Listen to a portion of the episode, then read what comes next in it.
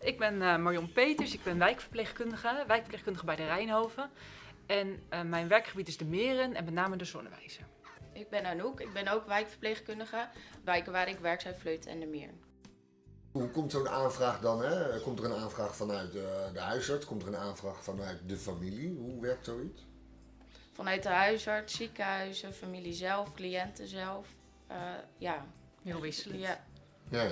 En, en op dat moment gaan, gaan jullie dus een analyse maken van hoe de, hè, de situatie daadwerkelijk is. Ja.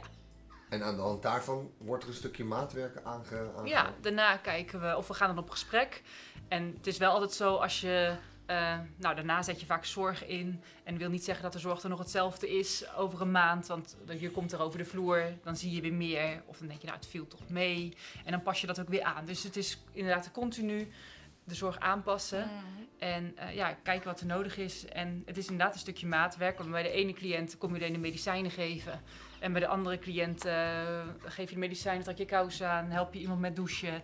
Uh, dus dat is heel wisselend. Ja, ja. ja. De, is dit iets wat, en, en, en zeg gewoon vooral als ik het helemaal fout heb, hè, maar is dit iets wat, wat je kunt uh, schalen in de term uh, langer thuis wonen? Is, is dat wat jullie doen? Zorgen dat mensen langer in hun eigen omgeving kunnen blijven wonen? Of doe ik jullie dan of tekort? Of, of, vertel eens. Nee, ja, dat is ja, toch? Wel, nee, ja, dat, zo is het. En dat, dat, dat, doen we niet alleen. Dat doen we met, inderdaad met, met familie en andere hulpverleners. Ja.